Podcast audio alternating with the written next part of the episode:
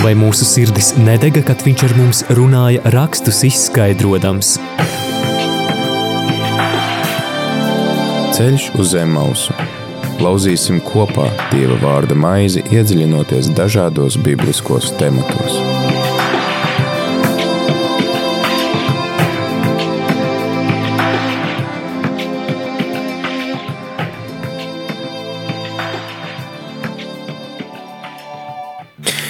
Radījumā arī Latvijas klausītāji ir 4 un gandrīz jau viena minūte 21. oktobrī, ceturtdienā ar tevi ētrā priesteris Pēteris Skudre. Tas nozīmē, ka mēs atkal esam devušies ceļā uz Emausu.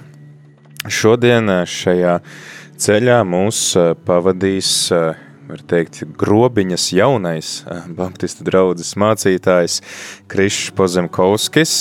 Labdien, Krišs! Labdien! Sveiks, Pēters! Sveiki, klausītāji! Prieks eh, tevi atkal dzirdēt eh, šeit ētrā. Kādreiz par tevi varēja teikt, ka tu esi kaimiņš. Eh, tagad ir jāsaka, ka tu esi kaut kur ļoti tālu prom no Rīgas ticis. Jā, savu 200 plus kilometri prom no Rīgas, bet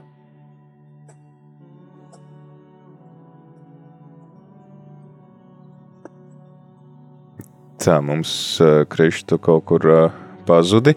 Mazliet, jā, bet kamēr Krišs atkal pieslēdzās, mēs, es atgādinu to, ka klausītāji tu vari iesaistīties šajā sarunā, zvanot uz numuru 679 691 131, arī rakstot īziņas uz numuru 266 77 272. Šodien mēs eh, turpināsim lasīt otro mūzus grāmatu un eh, esam tikuši līdz 33. nodaļai. Pagājušo ceturtdienu mēs lasījām tādus dramatiskus notikumus par um, to, ka, ko tauta izdara, kad uh, nevar sagaidīt mūzu nokāpjam no kalna un var saprast, Mūzes ir pavadījis kalnā vairāk kā mēnesi un mazums, kas tur var notikt, viņš varbūt kādā aizā ir iekritis vai kāds plēsīgs zvērs saplosījis un tauta tad meklēs savus risinājumus, kā pielūgt Dievu, Un mēs arī redzējām par tām dieva dusmām, runājām arī ar iepriekšējo raidījumu viesi par šo aizbildniecisko lūkšanu, ka Mūzus iestājās par tautu, lūdz par tautu, apelē Dievam pie viņa paša apsolījumiem, kur mēs redzam, Dievs ir uzticīgs saviem solījumiem, tad šodien mums ir iespēja lasīt, kas notiks tālāk. Tātad otrā mūzus grāmata, izceļošanas grāmata, 33. nodaļa. Krišs, gribu zināt, vai tu esi atpakaļ un vai mēs tevi dzirdam? Jā, esmu atpakaļ tepat. Jā, skaidrs, brīnišķīgi. Tad, klausītāji, ņemam rokās svētos rakstus, šķiram vaļā otro mūzus grāmatu 33. nodaļu, lasam un tad noteikti priecāsimies, ja tu iesaistīsies šajā sarunā. Tad droši zvani uz numuru 67 969 131, arī raksti īziņas uz numuru 266 772 72. Bet, ja tev nav nekādu jautājumu, varbūt tu lasot, tev bija kāds vārds vai teikums, kas tev uzrunāja, kāda doma, kuru tu noteikti esi pasvītrojis savos svētajos rakstos, tad padalies ar mums, kas tev ir uzrunājis. Padalies ar to, kas ir tas, kas tev liekas svarīgs un aktuāls un kā tu to saproti. Tas noteikti bagātinās šo raidījumu tā, lai mums te ir krīšu divatā nav garlaicīgi. Bet tagad tad ieklausamies izceļošanas grāmatas 33. nodaļā.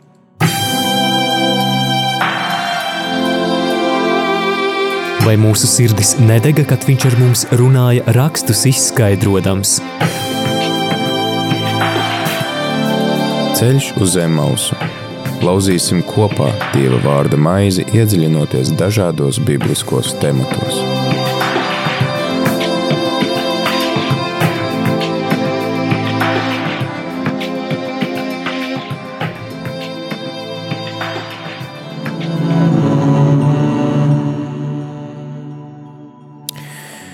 Un kungs runāja uz mūzu: Ej, celies no šejienes, un tu un tauta, kuru tu esi izvedis no Eģiptes zemes, un dodies uz zemi, ko es esmu ar zvērestu apsolījis Abrahamam, Īzākam un Jākabam, sacīdams: Es to došu taviem pēcnācējiem.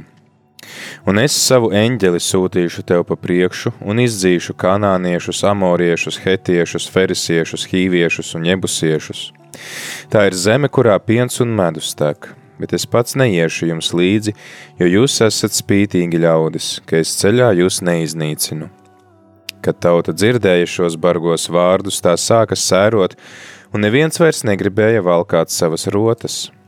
Kungs sacīja uz mūzu: Saki Izrēla bērniem, jūs esat spītīgi ļaudis. Ja tikai es būtu jūsu vidū vienu mirkli, es jūs varētu iznīcināt, bet nu nolieciet savas rotas, tad es izlemšu, ko darīt ar jums. Un Izrēla bērni noņēma savas rotas Horeba kalna priekšā. Tad Mūzus ņēma telti un uzcēla to tālu ārpus nometnes un nosauca to par sajiešanas telti. Ikvienam, kas meklēja to kungu, bija jāiet uz sajiešanas telti ārpus nometnes. Un notika, Ik reizes, kad Mūzus gāja uz šo telti, ļaudis piecēlās un ik viens nostājās savas dzīvojamās telts durvīs, noraudzījās pakaļ Mūzum, līdz tas iegāja teltī. Un notika ik reizes, kad Mūzus iegāja teltī, nāca mākoņu staps un apstājās telts durvīs, un viņš runāja ar Mūzu. Un visa tauta redzēja mākoņu stabu stāvam telts durvīs, un visi ļaudis cēlās, un ik viens metās pie zemes savas telts durvīs. Un kungs runāja ar mūzu vaigu vaigā, kā kāds sarunājas ar savu draugu. Un, kad viņš atgriezās nometnē, viņa kalps Jozoā Nūna dēls vēl jauneklis palika teltī. Un Mūzus sacīja kungam, redzi, tu man saki, vadi šo tautu augšup, bet tu man nesaki, ko tu sūtīsi ar mani. Kaut gan tu esi sacījis, es tevi saucu tavā vārdā, un tu esi labvēlību atradis, manā, atradis manās acīs. Bet tagad, ja es esmu labvēlību atradis tavās acīs, tad lūdzu liec man zināt tavu ceļu, lai es tevi zinātu un varētu atrast labvēlību tavās acīs. Un parādi arī, ka šie ļaudis ir tava tauta. Un viņš sacīja, es pats iešu ar tevi un es došu tev mieru. Tad Mūzus sacīja, ja tu pats neiesi mums līdzi, tad neved mūs prom no šejienes – Jo no kā lai varētu zināt, ka es un tava tauta esam labvēlību atraduši tavās acīs? Vai ne no tā, ka tu mūs vadi tā, ka mēs un tava tauta atšķiramies no visām citām tautām, kas virs zemes? Un kungs sacīja mūzum, es darīšu arī šo lietu, ko tu esi pieminējis, jo tu esi atradis labvēlību manās acīs un es tevi saucu vārdā. Tad Mūzus sacīja, rādi man lūdzams savu godību un viņš sacīja: Es likšu visai savai godībai iet garām tavā priekšā, un es saukšu tavā priekšā kunga vārdu, jo es esmu žēlīgs, kam žē, esmu žēlīgs un par ko es apžēlojos, par to es apžēlojos. Bet viņš sacīja: Manu vaigu tu nedrīksti redzēt, jo cilvēks nevar mani redzēt un palikt dzīvs. Un kungs sacīja: Redzi, šeit pie manis ir vieta, kur tu vari nostāties uz klints un notiks, kad mana godība ies tev garām, es likšu tev stāvēt klints spraugā un sekšu pār tevi savu roku, līdz kamēr būšu pagājis garām. Un, kad es pacelšu savu roku, tu mani redzēsi no muguras, bet mans vaigs nebūs redzams. Ceļš uz zem mausu.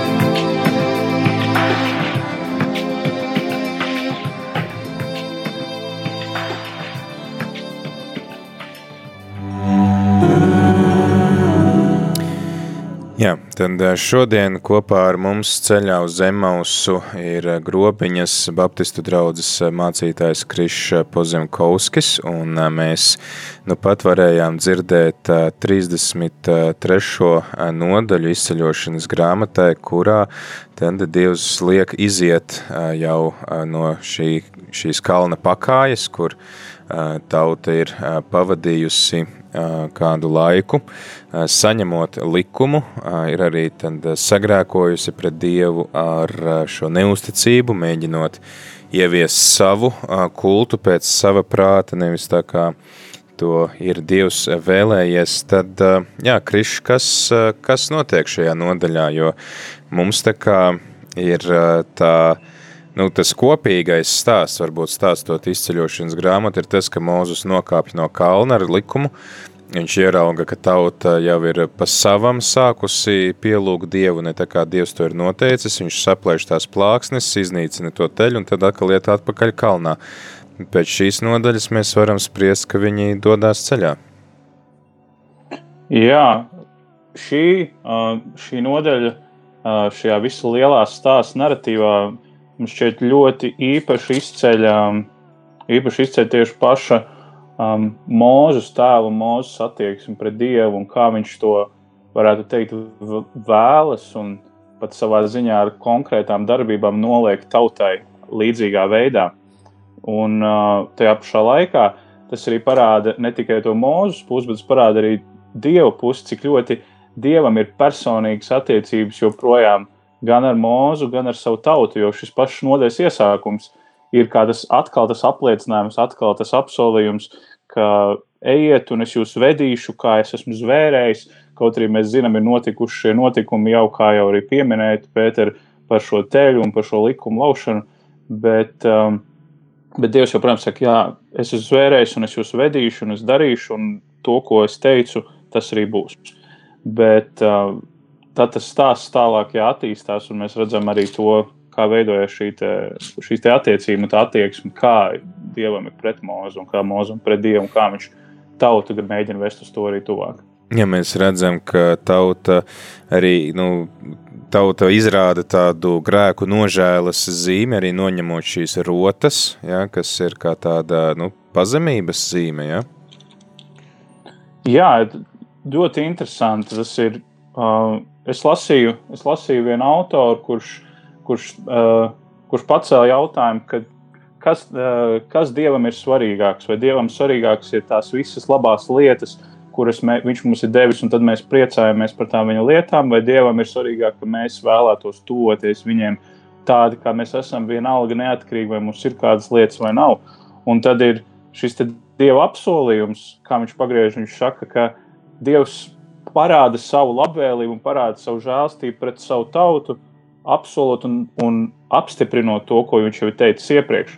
Un savā ziņā mēs gaidām un skatāmies, kāda būs tā tautas reakcija, vai tauta vienkārši pieņems un teiks, ah, jā, ok, Dievs joprojām ir uzticams, viņš mums ir, viņš mums apmēram neko traku vairs nedarīs, iesim tālāk, vai arī savādāk. Un tas, ko mēs redzam, mēs redzam šo labo zīmi, tā kā šo um, saka, to gaismas staru tajā cilvēkā, ka viņš apzinās, tā tauta apzinās, ka nevis ir svarīgs tās rotas, un nevis ir svarīgs tas viss skaistums, kas viņiem ir tas ārējais, ar ko viņi no tās ēģiptes tur izceļojuši, kas viņiem tur tagad ir paņemts, kā Dievs viņus ir svētījis, bet svarīgs ir Dievs pats, un ka viņi ir gatavi nolikt tās rotas, nos, gatavi nolikt to mantu, ko Dievs viņiem devis, jo svarīgāka attieksme ir tā, ka galvenais, lai Dievs ir mums galvenais, lai Dievs paliek un tādēļ dzirdot šo sēru vēsti, kas ir tajā, kā rakstīts tajā trešajā pantā, kur Dievs saka, es neiešu ar jums, jo jūs esat stūrgalvīgi tauta, tad tas tautai ir, kaut arī viņš ir apsolījis kādu neraksturotu eņģeli, kādu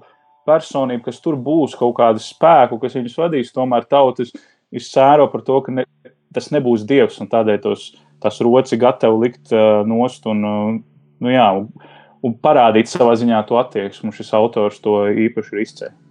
Ja mēs gan iepriekšējā, gan šajā nodaļā nevaram nesaskarties ar to nu, dieva žēlsirdības un dieva taisnīguma tādu liekā, reizēm liekas tādu nesavienojumu principu, jo no vienas puses te dievs parāda to, ka viņš ir taisnīgs, viņš nu, nepiemiedz acis uz kaut kādu pārkāpumu, uh, Bet tāpat laikā mēs pēc tam beigās lasām to, ka es likšu savai e, šai žēlsirdībai, kam es esmu žēlīgs, tam esmu žēlīgs. Un, viņš parāda to savu absolūto tādu nu, suverenitāti arī piedot tai tautai.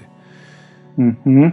Jā, um, vienmēr ir tāds, man personīgi lasot veco derību un pētot, ir vienmēr interesanti uh, un arī savā ziņā tas izaicinājums salīdzinot pret to, kā mēs redzam Dievu šodien un kā mēs redzam tos tēlus, kas attēlo attiecības ar Dievu, kā to redzēja tā laika cilvēki. Jo šodien mēs uh, Dievu godību esam atklājuši caur Jēzu, bet tajā laikā, kad Jēzus vēl nav, tad vienīgais, kā Dieva godība atklājās, bija caur kādiem, caur kādiem konkrētiem simboliem, caur kādām konkrētām izprastām lietām, caur konkrētām personīgām attiecībām, kuras pēc tam tiek nodotas, kā piemēram šeit, kā Mūzes savā ziņā. Uh, ir tas, kurš var nodot to, ka mēs zinām, ka Reku kungs runā ar mūzu, kungs saka mūzum. Uh, bet tajā pašā laikā tās īpašības, tās īpašības kas, kuras mēs zinām jaunā derībā Dievā, uh, kuras caur to grēku, kurš ir taisnīgs grēks, par kuru jāsmaksā un žēlstība, kas caur Kristus. Tāpat tās arī šeit jau vecajā derībā šīs pašas līnijas ir iezīmētas, tas nav tā, ka Dievs būtu vecajā derībā bijis viens Dievs un jaunā derībā tas ir cits Dievs. Šajā vietā, arī šajā stāsta punktā, viņš ir joprojām tas pats Dievs, kurš uh, zina un piemin, kad redz, kur jūs esat grēkojuši, un tādēļ es nevaru ar jums iet un nevaru būt. Uh, un es neiešu ar jums, apmēram šeit ir tā līnija, jo savādāk jūs esat tāda tauta, kuras vienkārši manā klātbūtnē es jūs tik ne, nepiebeidzu, apmēram, ja tas grēks ir tāds. Bet tajā pašā laikā pretī ir, pretī ir mūzes šī attieksme un tās mūzes attiecības ar Dievu, kādas mums šodien ir, ir tas, kā mūzes nāk pie viņa un lūdz un kā viņš viņu meklē, lai, lai tomēr Dievs visu laiku ir ar viņiem. Un tas, ko mēs viscaur tajā nodaļā redzam, ko mēs redzēsim arī tālāk, konkrētos, konkrētās niansēs, ir kā Dievs atsaucās šim mūsu aicinājumam, ka Dievs ir gatavs uh, uzklausīt, ko Mozus Mūsu no viņa vēlas, jo Dievs redz to mūsu attieksmi, kurš nāk pie viņa nevis kā pie kādas labuma devēja, bet kā pie, tās, pie tā dieva, pie, tās, pie tā viena un patiesā, kas ir un kas viņus ir izvedis, kas ir ar viņiem un kas, kura tā vērtība ir neatsvermāka par vispārējo. Man arī liekas eh, svarīgi tas, ko tu pirms kāda brīža sacīja, ka pirmajos pantos eh, parādās tas, ka Dievs pats atjauno un apstiprina šo savu derību un parāda to, ka viņš te būs uzticīgs. Un eh, tad, tad nu, viņš var redzēt, ka ir piedevis tautai. Labi, viņš saka, es neiešu ar jums kopā, bet tomēr jūs ieiesiet šajā zemē, ko es jums solīju. Un tautas reakcija ir um, nu, šī gandarīšana, šī rotas lietu noņemšana. To arī atsaucies uz to autoru, uh, kas sacīja, ka Dievs parāda savu savu piedošanu, un tauta atbild, ka nevis vienkārši, ah, nu redz, Dievs mums piedeva, mēs ejam tālāk, bet ka tā ir tāda, nu, mīlestības, var teikt, atbilde šai Dieva piedošanai, tas man asociējās vismaz katoļu tradīcijā, mums ir šī grēksūdzes sakramenta iespēja, kur arī, jā, mēs saņemam piedošanu, bet pēc tam sako arī gandarījums, ka tā, tad tu nevis vienkārši nu, baudi to Dieva piedošanu, bet arī centies tad tai atbildēt ar kādu savu ārēju rīcību, ka lūk, Dievs, es pateicos un es uh, parādu nu, to savu pazemību šīs lielās piedošanas priekšā. Mm -hmm. Jo beig, beigās jau paliek tas jautājums, kas ir tas svarīgais, kas ir tas svarīgais tam cilvēkam pēc tam tālāk ejot, vai tās, vai tās skaist, vai tie skaistie labumi, tikai tas, tikai tas fakts, tas, tas žēlstības fakts, ka Dievs ir piedevis un tagad es varu turpināt dzīvot, vai tas Dievs, kurš piedod. Un, ja mums ir svarīgāks tikai tas akts, tad mēs, mēs esam, mums ir piedots, darīsim, dzīvosim kā gribam, un atkal nāksim Dievs piedos. Bet, ja mums ir svarīgs pats Dievs, tad arī pēc šī piedošanas akta mums, mēs vēlamies joprojām būt tur, un mēs vēlamies kaut kādā ziņā, cik cilvēcīgi iespējams tuvoties un parādīt to, ka mums svarīgs ir šis Dievs, no kura nāk žēlstība, nevis tikai tas, ko viņš izdarīja. Līdzīgi kā arī ar baušļu pildīšanu, ka mēs viņus ne tikai ārēji pildām, bet ka tā ir tāda ja, ārēja izpausme iekšējai nostājai, ka, lūk, man ir at svarīgas attiecības ar Kristu, un tāpēc es arī ievēroju baušļus, nevis vienkārši ievēroju baušļus, tāpēc, ka viņi ir jāievēro. Jā, jā, tieši tā, un tas man šķiet ir interesanti, kā tas savienojās tālāk uz priekšu uh, par šo mūzu, kā mūzis ņem šo ceļu, šo sajiešanas telti ārpus nometnes, jo uh, tas savā ziņā, ja mēs iedomājamies tīri tā vizuāli to skatu, ka mums ir Mums ir vieta, kur būtu, kur būtu pieeja dievam, tā kā pat taisno pie šī kalna, šī, te, šī te nometnes vieta, kur cilvēki ir sapulcējušies. Tagad Mozus izdomā, nē, tā, tā vieta, kur, būs, kur mēs tosimies dievam, tā būs kaut kur ārpusē.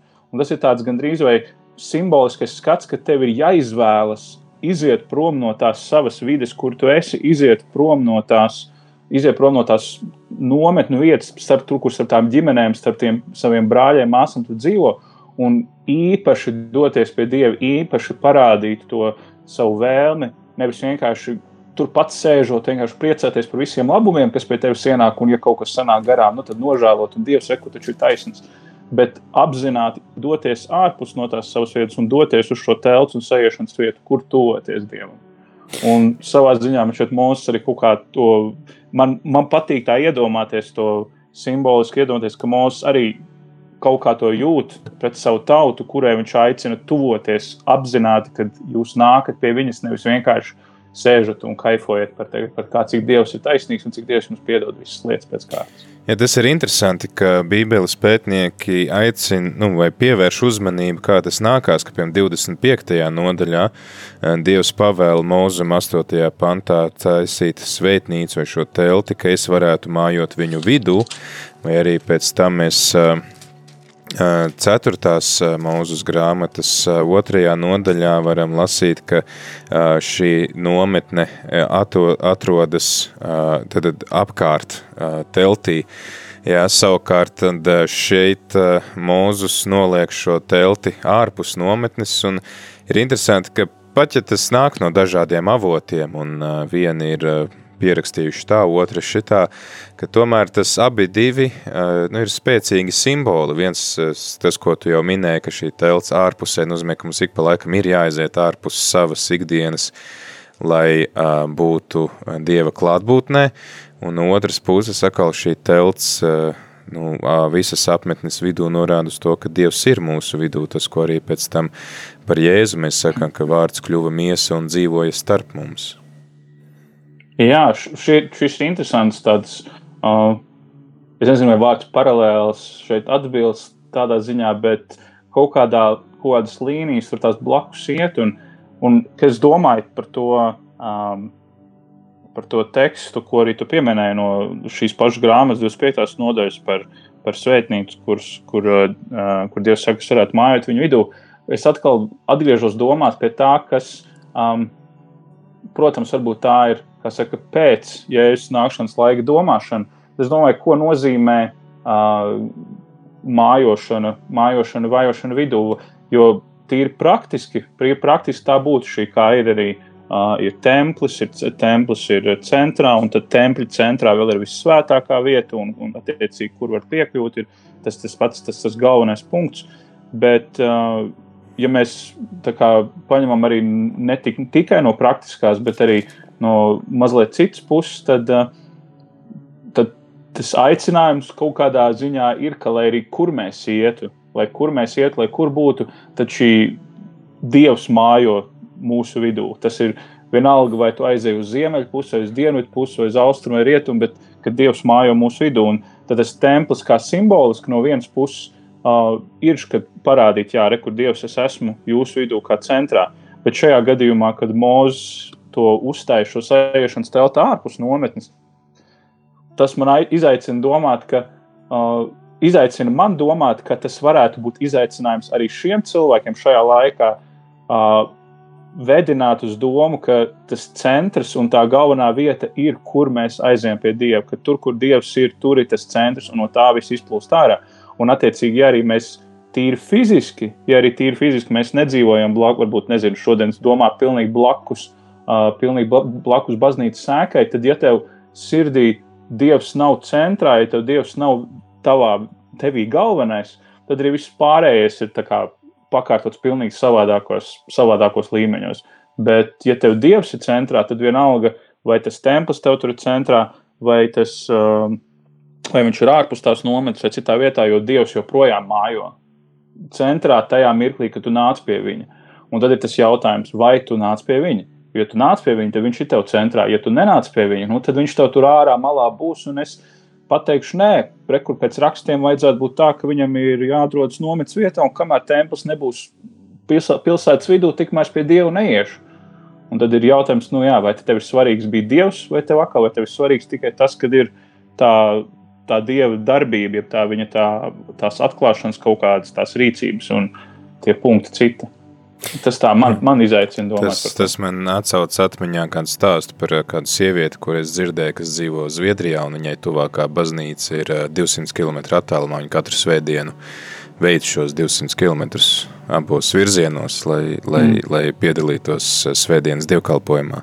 Ka, ja Dievs ir tavas dzīves centrā, tad tur ir atradīs iespēju viņu apmeklēt vai veltīt viņam laiku. Uh, un, un būt pie viņa. Man ir jautājums par, par šo sajiešanas telti, jo man ir mazliet, varbūt tu varētu palīdzēt arī kādam varbūt klausītājiem būs radies līdzīgs jautājums par to chronoloģiju, jo 33. 32. nodaļa beigas saka, ka Mūzus otrā rītā nu, nosoda to tautu, Šeit es kāpšu pie kunga, varbūt es varu izlūgties jums piedošanu. Viņ, tad ir teikts 31. pantā, ka viņš griezās atpakaļ pie kunga un sacīja, šī tauta ir lielu grēku darījusi, tad viņš atgriežas kalnā. Tad 33. nodaļa būtu saruna ar mūzu kalnā, nu, dievam ar mūzu. Bet tāpat laikā jau, jau pirmajos pantos parādās šī telts, rekurs septītais pants parādās telts, tiek uzlieta ārpus nometnes, tad ir atkal tā kā saruna ar Dievu kalnā, tad mēs lasām, ka Dievs runā ar mūzu teltī. Uh, jā, tad kā, kā tur jau pēc tam tikai tā, tā, tā telts taisīšana patiesībā sākās tikai 36. nodaļā. Tad kas tā ir par telti, ko viņš uzslēdz 33. nodaļā? Bet tas ir tā, Jā, tāds pārstāsts ar skatu jau uz priekšu, kā tur būs tālāk. Es domāju, ka šis ir. Šis varētu būt diezgan labs jautājums arī, kad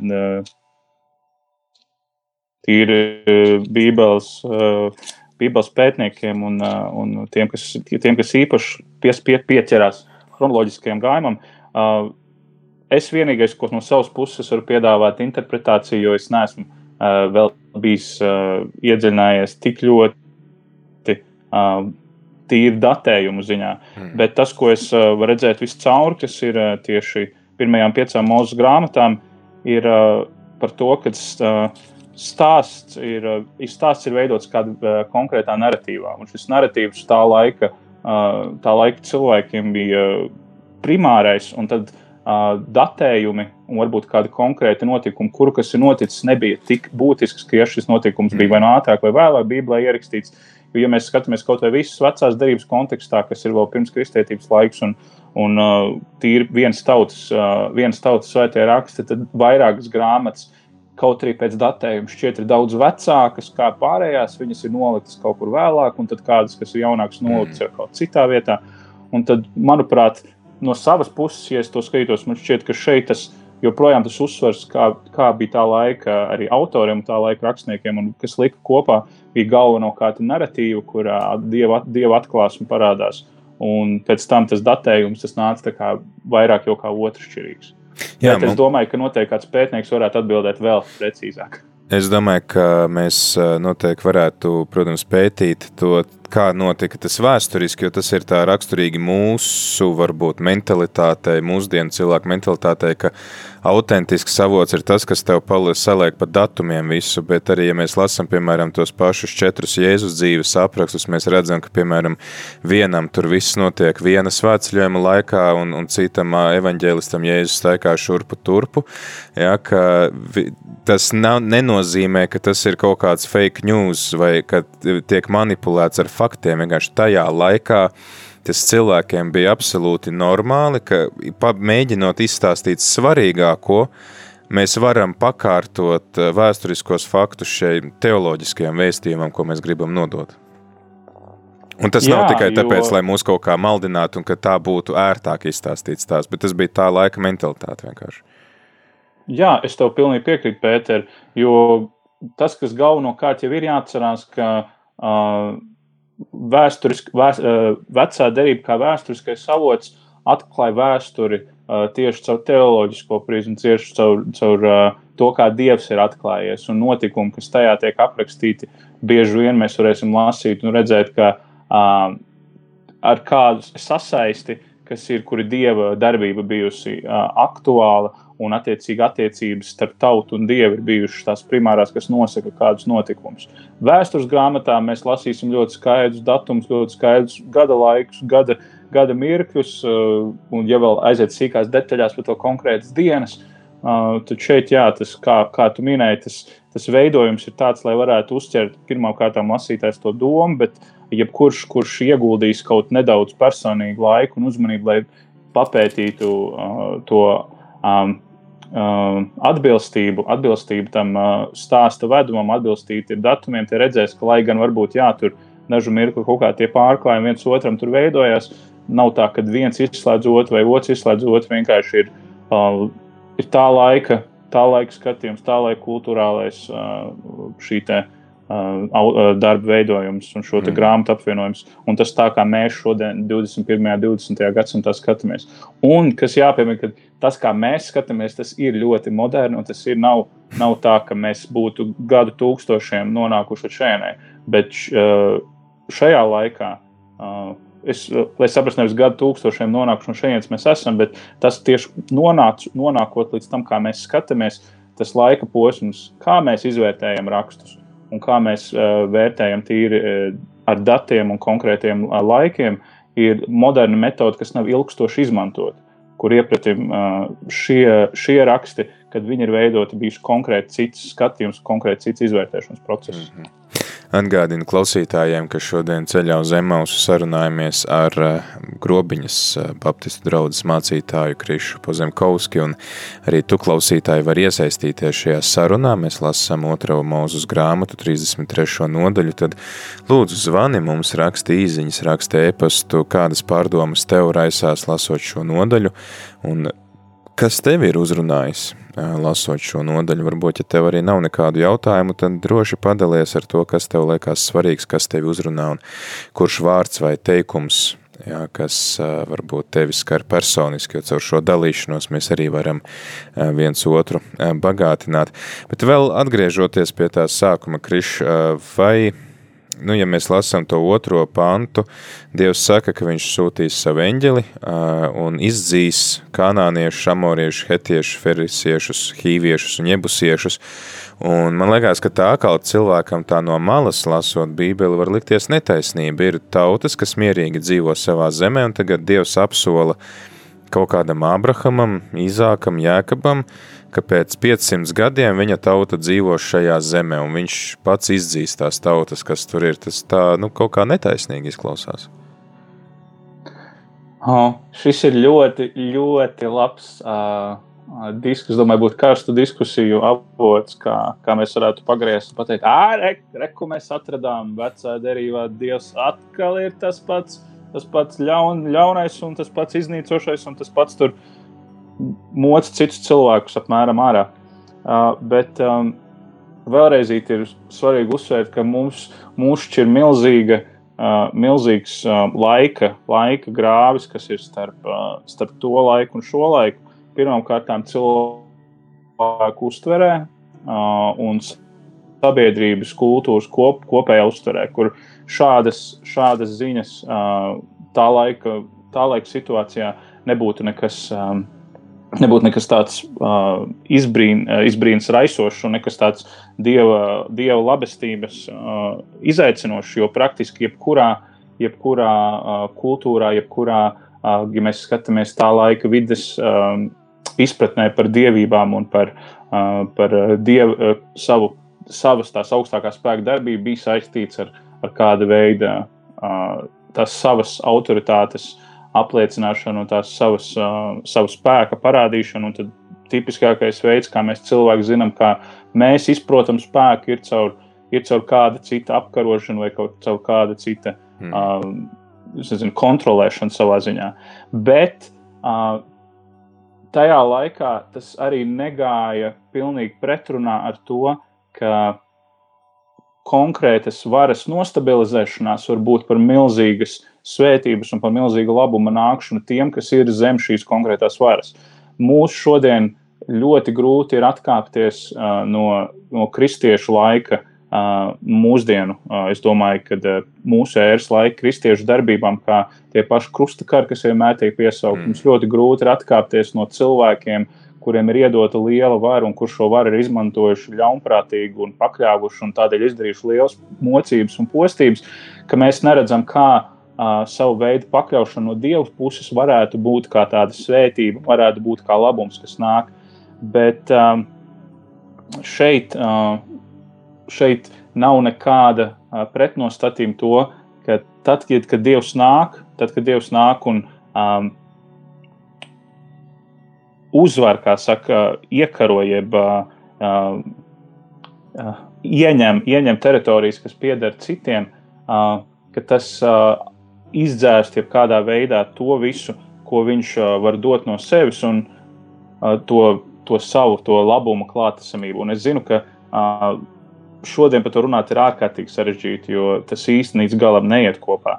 Bet uh, ir svarīgi, ka mēs vienkārši nejaucam mūsdienu domāšanu iekšā tā laika domāšanā, un mēs esam lietas kursā par to, kā tā laika cilvēki to uztvēra un kā tā laika cilvēki ir izpratuši, ko nozīmē šāda veida uh, dieva spēka parādīšana, ka tā bija viena no tām labajām lietām, kas arī dievam piederēja. Ja, Galu galā jūdi bija tā laika, nu, teikt, laikmeta bērni, kuri domāja līdzīgi kā nu, domā tā laika kultūra un mentalitāte, ka nu, mūsu dievs cīnās pret otras tautas dievu, un tā ir arī zināmā mērā sacensības starp dieviem. Un, tad, uh, No otras puses, atkal mēs šodienas acīm raugoties, varam teikt, ka, lūk, ja Dievs ir tavā vidū, tad Viņš sakārtos tev tos ceļus, ka tu vari arī tikt cauri visādām pretestībām un, un panākt teiksim, to mērķi, ko Dievs tev ir apsolījis. Un ka Viņš pats tev kārtos tās lietas. Un es domāju, mēs katrs esam piedzīvojuši savā dzīvē to, ka tu saskaries ar vienu pretestību, ar otru, ar trešo, un pēkšņi tev pašam neko nedarot, apstākļi tā sakārtojās, ka tu vari izpildīt to savu misiju, kura tev ir jāpilda. Jā, un, un mēs, mums nevajag aizmirst, ka mūsu ikdienā cīņas notiekas joprojām, un tās cīņas varbūt nav tik liels un tik milzīgs, kā mēs to redzētu šādā kontekstā par, par tautu, tautu iekarošanām vai par zemi, zemi iegūšanām. Uh, bet uh, mūsu cīņas joprojām notiekas. Un, uh, tas, kā tas mums ir mainījies, mums ir mainījies, kad uh, kopš Jēzus Kristus nākšanas uh, tā visa uh, cīņa, cīņa ir atdota, uh, cīņa ir atdota pilnībā viņa varā, un mums ir, mums ir atstāta cīņa turēties, turēties vienkārši pie tiem dieva apsolījumiem, pie tā, pie tā dieva vārda, kas mums ir dots, nevis, uh, nevis turēties uh, ar dievu kopā tīri. Uh, tīri, kā saka, paceļot zobenu viena pret otru, jo arī mēs jaunā derībā varam lasīt, kādas tam ir sekas.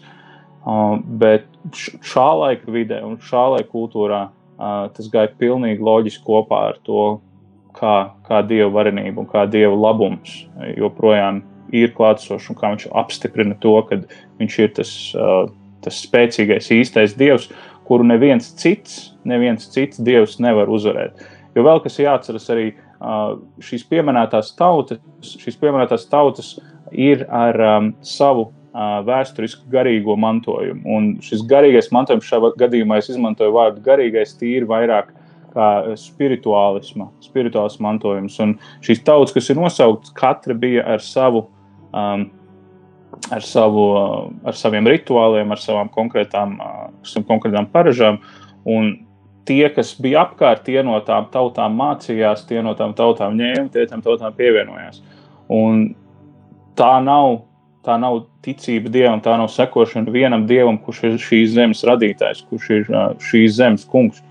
Un kad dievs iekaro šīs vietas, viņš savā ziņā ir kā iekaro, jeb iegūst atpakaļ to, kas pieder viņam, kas, kas ir ar visām šīm pārējām reliģijām, visām šīm pārējām uh, uh, spirituālajām praksēm ir atņemts no viņa, lai atkal atgrieztu to, uh, atgrieztu to ticības pamatu, kas ir bijis pats sākotnējais, kad es esmu tas kungs, kas atklājās mūzumā, es esmu tas kungs, kas izveda, esmu tas kungs, kurš ir devis šos baušus, kurš ir iedevis savu tautu, lai būtu par gaismu zemes virsmu, kādam, kāds ir īstais dievs, kāds ir dievs, ka dievs nav uh, dievs, kurš aicina nogalināt, ka dievs ir tas, kurš saka, nenogalina, bet tajā pašā laikā, kad ir Dievs, kurš ir taisnīgs un kurš neļaus citiem dieviem stāvēt viņa priekšā, lai tie attiecīgi mācītu un musinātu un vestu cilvēkus prom no viņa.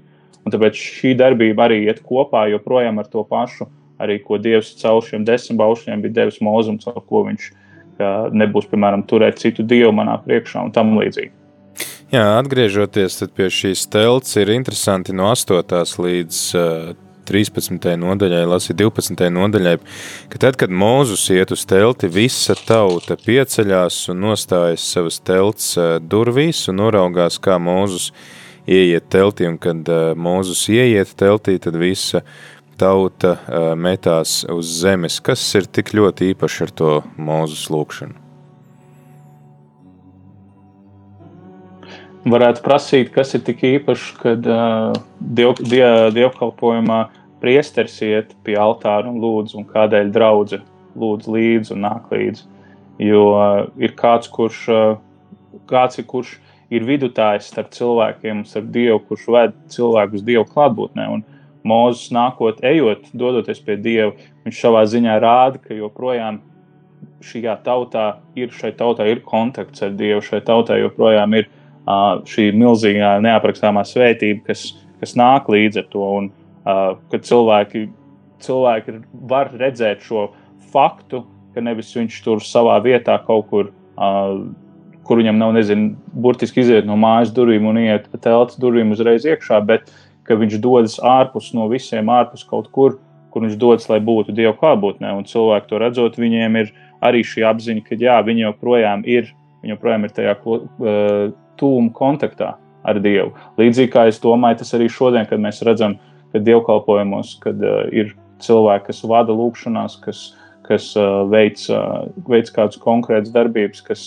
kas parāda joprojām, ka Dievs ir mūsu vidū, ka mēs nākam kopā joprojām Dieva vārdā. Un, uh, savā ziņā visu laiku tas atgādinājums un apliecinājums. Mm, interesanti, ka par mūzu arī saka, ka kungs runāja ar mūzu vaigu vaigā, kā kāds sarunājas ar savu draugu. 11. pants tas ir, mēs pēc tam varēsim lasīt 4. mūzes grāmatā, skaitļu grāmatā, 12. nodaļā, ka viņš runā vaigu vaigā nevis ar kādām parādībām vai zīmēm, ka tātad Dievs tiešā veidā komunicē ar mūzu. Man gan liekas, ka tas ir tā kā pretrunā ar to, ko mēs lasām šīs nodaļas beigās, kad Mūzus saka, rādi man lūdzams savu godību, un tad uh, Dievs saka, manu vaigu tu nedrīkst redzēt, jo cilvēks nevar mani redzēt un palikt dzīvs.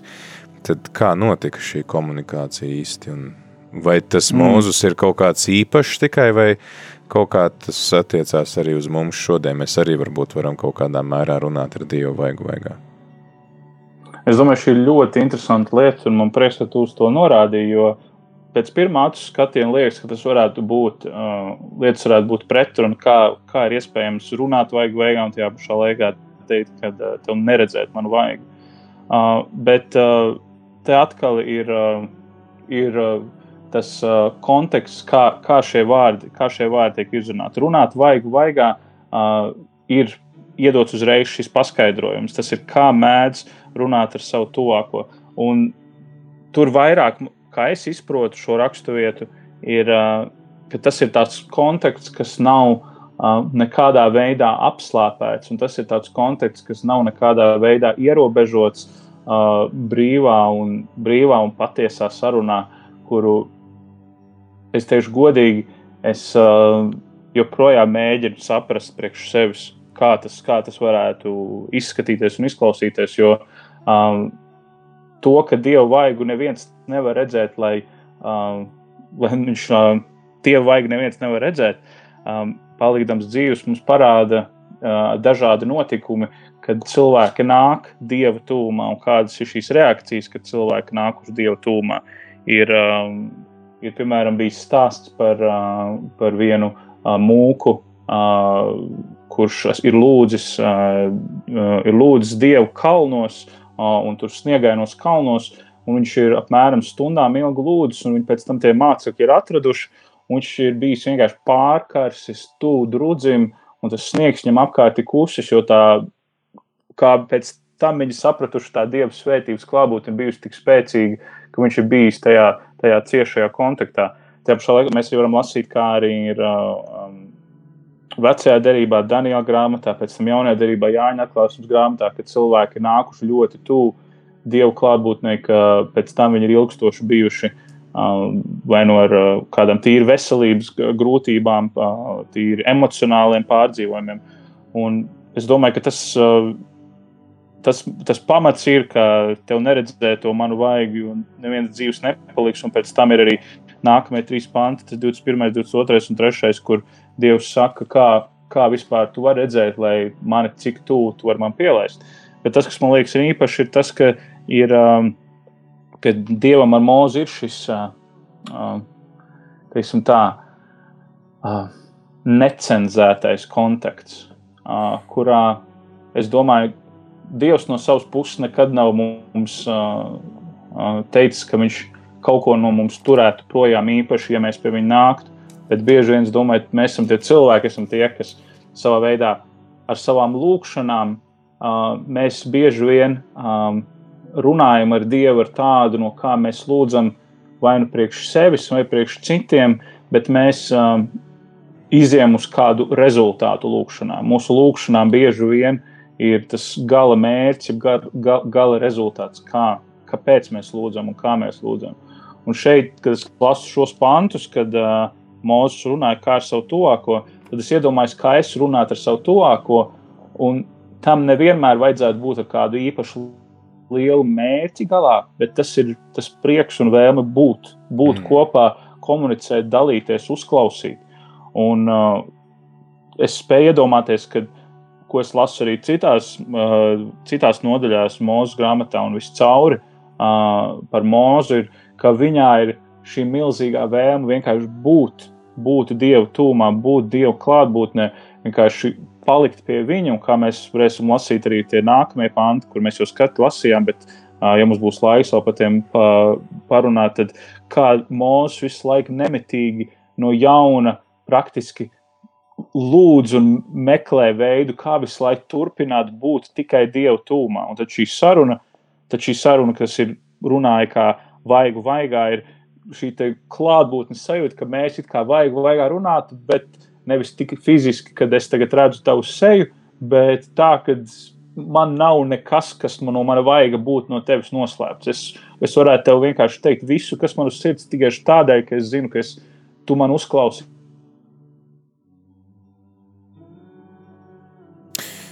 Ja mums atkal ir uh, kāds uh, interneta uh, pārāvums neliels tūdaļ, mēģinās Krišs pieslēgties atpakaļ, bet atgādini klausītāji, ka tu vari tu vari vēl joprojām iesaistīties šajā sarunā un padalīties ar to, kas tevi uzrunā, lasot šo nodaļu redzam tātad gan šīs attiecības starp mūzu un dievu, tāpat arī mūzu un tautu, jo viņš arī šajā nodaļā turpina aizlūgt par tautu. Mēs lasījām to, ka dievs saka, labi, es sūtīšu jums eņģeli pa priekšu, pats vairs neiešu, bet Bet tad mēs redzam, ka uh, Mūzus uzrunā Dievu un var teikt, ka tā kā atkal pierunā Dievu, jo var teikt 14. pantā mēs lasām, ka Dievs tā kā maina savas domas, viņš saka, es pats iešu ar tevi un došu tev mieru, tad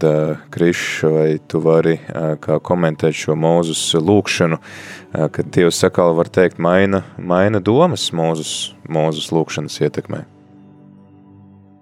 Jā, šis ir ļoti interesanti, jo šis savā ziņā mazliet uh, atspoguļo, uh, atspoguļo to, kāds bija Ābrahāma kontakts ar Dievu, kur Ābrahāms izlūdzās, izlūdzās un runāja ar Dievu un prasīja konkrētas lietas, un Dievs atsaucās. Uh, un, man, tas, man tas personīgi liekas kaut kas ļoti īpašs, un tādēļ to arī jau mēs, kad šīs sarunas sākumā, kā jau minēju, ka parāda to mūžu vēlmu un to viņa sirds attieksmi vienkārši būt kontaktā ar Dievu. Jo praktiski, praktiski es redzu, ka mūžs visu laiku izaicina Dievu. Izaicina Dievu ar vien vairāk, ar vien vairāk būt šeit, ar vien vairāk dot no sevis. Nevis tādēļ, lai iegūtu kādu labumu, bet tikai tādēļ, lai Dievs būtu tas klātesamībā. Un uh, visi, visi tie viņa sacītie, visi tie jautājumi, visi tie fragmenti, ko mēs varam lasīt, manā skatījumā liekas gandrīz vai tāds kā tiešām izaicinājums dievam, kurus vienkārši var uh, mācīties un apbrīnot to, ka acīm redzot, Dievs, Dievs to tik ļoti, Dievs to pieņem, ka viņam pat nav pretenzijas, ko mūzum teikt, nē, zini, es teicu, ka tā būs, un vairāk nē, un tad es domāju par sevi, vai es līdzīgi esmu runājis ar Dievu, un esmu līdzīgi aicinājis viņu savā dzīvē, tā ka Dievs man saka, nu, zini, ok, šeit, tu, šeit es esmu, šeit tu būsi. Un es saku, nē, Dievs, bet ja tu saki, ka tu, tu mani pazīsti, ja tu saki, ka tu esi man izredzējis, ja tu saki, ka tavu dēlu asins man ir tīrījuši, tad es, tad es gribu, lai tu arī šeit esi ar mani kopā, tad, lai arī tu šeit darbojies. Un, un tad es tā atbildi, ko viņš atbild, jā, es pats iešu tev pa priekšu. Izklausās no vienas puses, ka Dievs runā pats sev pretī, bet tajā pašā laikā es gandrīz varētu iedomāties, kā Dievs klausās uz mūzu, kā uz domā, uz cilvēku domā, bet šis vīrs ir sapratis kaut ko vairāk. Mm. Šis vīrs, šis vīrs redz kaut ko vairāk, viņam nav svarīgi tās mazās lietas. Viņš augst pēc manis, viņš, viņš vēlas, lai es esmu klātsošs, un man nav žēl sevi dot, bet Dievs jau mums nekad neuzspiež sevi ar varu, ja mēs viņu negribam, ja mēs viņu neprasām. Un lielākoties, kad mēs redzam arī Bībelē, ka Dievs darbojas, Dievs caur atbildēm arī bieži vien dod, kad, kad tauta nožēlo un nāk un lūdz viņu, kad cilvēki konkrēti, eh, kas ir konkrēts grāmatas vecajā derībā arī un, un jaunatībā, kad viņi nāk pie Dieva. Un pārsvarā Dievs ir tas, kurš atsaucas. Dažas reizes viņš nāk iejaucas tā, ka skaidri un gaiši rekurs esmu un tā tagad būs. Bet lielākoties viņš gaida to mūsu iniciatīvu, un tad Mozus tā iniciatīva ir vienkārši tāda, ko es domāju, un uzdod jautājumu sev, cik ļoti tāda iniciatīva ir manā dzīvē. Ja, man liekas, tas arī sasaucās ar to, ko mēs lūdzamies Tēvs mūsu lūgšanā, ka lūgt saskaņā ar Dieva gribu. Un šeit Mūzes ļoti labi zina to Dieva gribu, ka Dievs jau no paša sākuma gribēja būt kopā ar tautu. Viņš gribēja pestīt tautu, un tad varbūt tā arī paējot tā kā malā. Jā, viņš noteikti jā, Pēter, pārbauda, pārbauda, nu vai Mūzes, nu kāds sacīja, vai Mūzes ir sapratis un tauta ir sapratusi, jo viņš jau no vienas puses pasaka, labi, mērķi jau jūs sasniegsiet, tā, jums tiks tā zeme, bet, bet Mūzes saka, mums jau to mhm. zemi nevajag, mums jau vajag, lai tu esi mūsu vidū, tā zeme bez tevis viņa ir bezjēdzīga, un, un līdzīgi arī no mums droši vien savā lūkšanā atcerēties to, ka, jā, Dievs grib mani svētīt, Dievs grib man dot arī, lai šajā pandēmijas mājasēdes laikā man nepietrūks līdzekļi un tā tālāk, bet, bet pāri visam es gribu būt tavas dzīves centrā, nevis, ka tu vienkārši, nu, saņem no manis dāvanas. Un, Jā, tieši tā, un tādēļ man ir, man ir rīktīgs prieks, ka man iespēja ir par iespēju ar tevi dalīties arī šajā notaļā ar domām, jo, jo man šķiet, ka šis ir rīktīgi akūti tieši arī priekš šodienas laika par to mūsu vēlmi iziet ārā no, tā, no, tās, no tās savas sajūtas, no tās savas, varētu teikt, pat tām bailēm, kas mums grib nākt virsū ar visām lietām, ko mēs nevaram darīt. Un, kā, arī, un kā arī tu pieminēji iepriekš, ka nevis skatoties to, ko mēs nevaram darīt, bet uz ko mēs varam darīt, un ka mēs varam joprojām nākt pie Dieva, un ka Dievs grib, kad mēs nākam pie Viņa. Un, un kad mēs nākam, Viņš atsaucas. Viņš, ja arī Viņa atbild, uh, kā mēs uh, zinām, dažkārt ir pagaidi, varbūt ne tagad uzreiz, tad tas nenozīmē, ka Viņš nevēlas dot to savus klātbūtnes labāko, ko vien var būt. Bet runa jau ir nevis par to, ka tās labās lietas, kas būs, bet par to, ka viņš joprojām ir šeit uh, un ka viņš ir tas, kurš no, kur, no kā tas viss nāk. Un esot kopā ar viņu, mums pat nav jāuztraucas, vai mēs dabūsim vai nedabūsim tās lietas, jo mēs zinām, ka nu, Dieva klātbūtnē nekas, nekas vairs nevar cits slikts notikt kā vien to, ko Dievs pieļauj, to, ko Dievs redz, kā Dievs vēlas.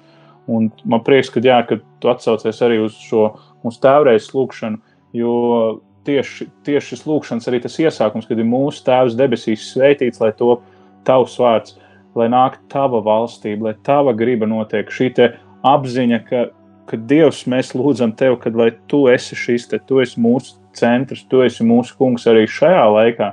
Un uh, pat ja Dievs saka, ok, nu tik tālu es tagad esmu, šeit es tev atsaucos, ka mums ir šī vēlme, kā mūzum teikt, Nu, zini, bet ja tu pat to teici, ja, ja tu tā, tad, nu, tomēr vēl es, es joprojām vēlos, joprojām tevi aicinu, ka mums ir šī neatlaidība tāpat kā. Jā. Un ir arī interesanti par šo 18. pantu, jo, jo Dievs jau mūzum ir atklājies. Dievs jau mūzum ir atklājies kalnā un ar viņu runājis, bet 18. pantā šie vārdi parādīja jau man savu godību. Un, kad es tos lasīju, es pie sevis domāju, bet Vai tad Dievs jau nebija parādījis savā ziņā savu godību, vai tad Dievs jau nebija atklājies? Un acīm redzot, Mozus jūt, ka ir kaut kur vēl, vēl kāds solis tuvāk pie Dieva, vēl vairāk iespēju Dievu redzēt, vēl vairāk Dievu iespējams piedzīvot viņam, kad viņš tiešām tur ir. Un, un tās savā ziņā tās, nu, tā pārliecība un tā apņēmība teikt, jā, Dievs atklāja man vēl, atklāja man savu godību. Un tad Dievs, cik interesanti, kā mēs varam lasīt to, kā viņš to atklāja viņam.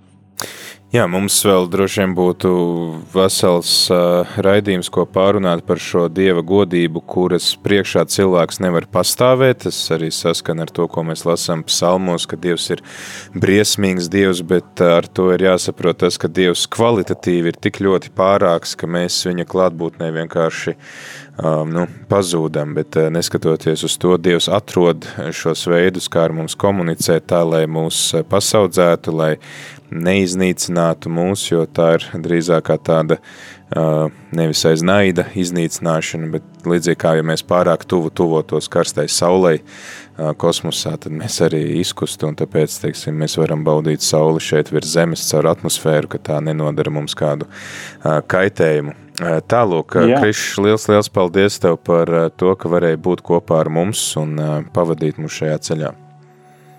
Paldies, paldies Pēter, un paldies jums! Paldies arī visiem klausītājiem. Šoreiz gan klausītāji tādi klusāki un kautrīgāki. Ļoti ceru, ka nākamā ceturtdienā jūs būsiet aktīvāki un dalīsieties arī ar to, kas jūs uzrunā. Bet ceru, ka jums ir pat palīdzējis šis raidījums un ir varbūt izdevies labāk saprast kādu vienu vai otru eh, pantu eh, šajā nodaļā, tad eh, tiekamies nākam ceturtdien, jau turpināsim lasīt izceļošanas grāmatas 34. nodaļu, bet tagad jau pavisam, pavisam drīz ēterā pasaules tulkošana un raidījuma vadītājs Jānis Ūdris ir sagatavojis ļoti interesantu interviju. Ceļš uz zem mausu.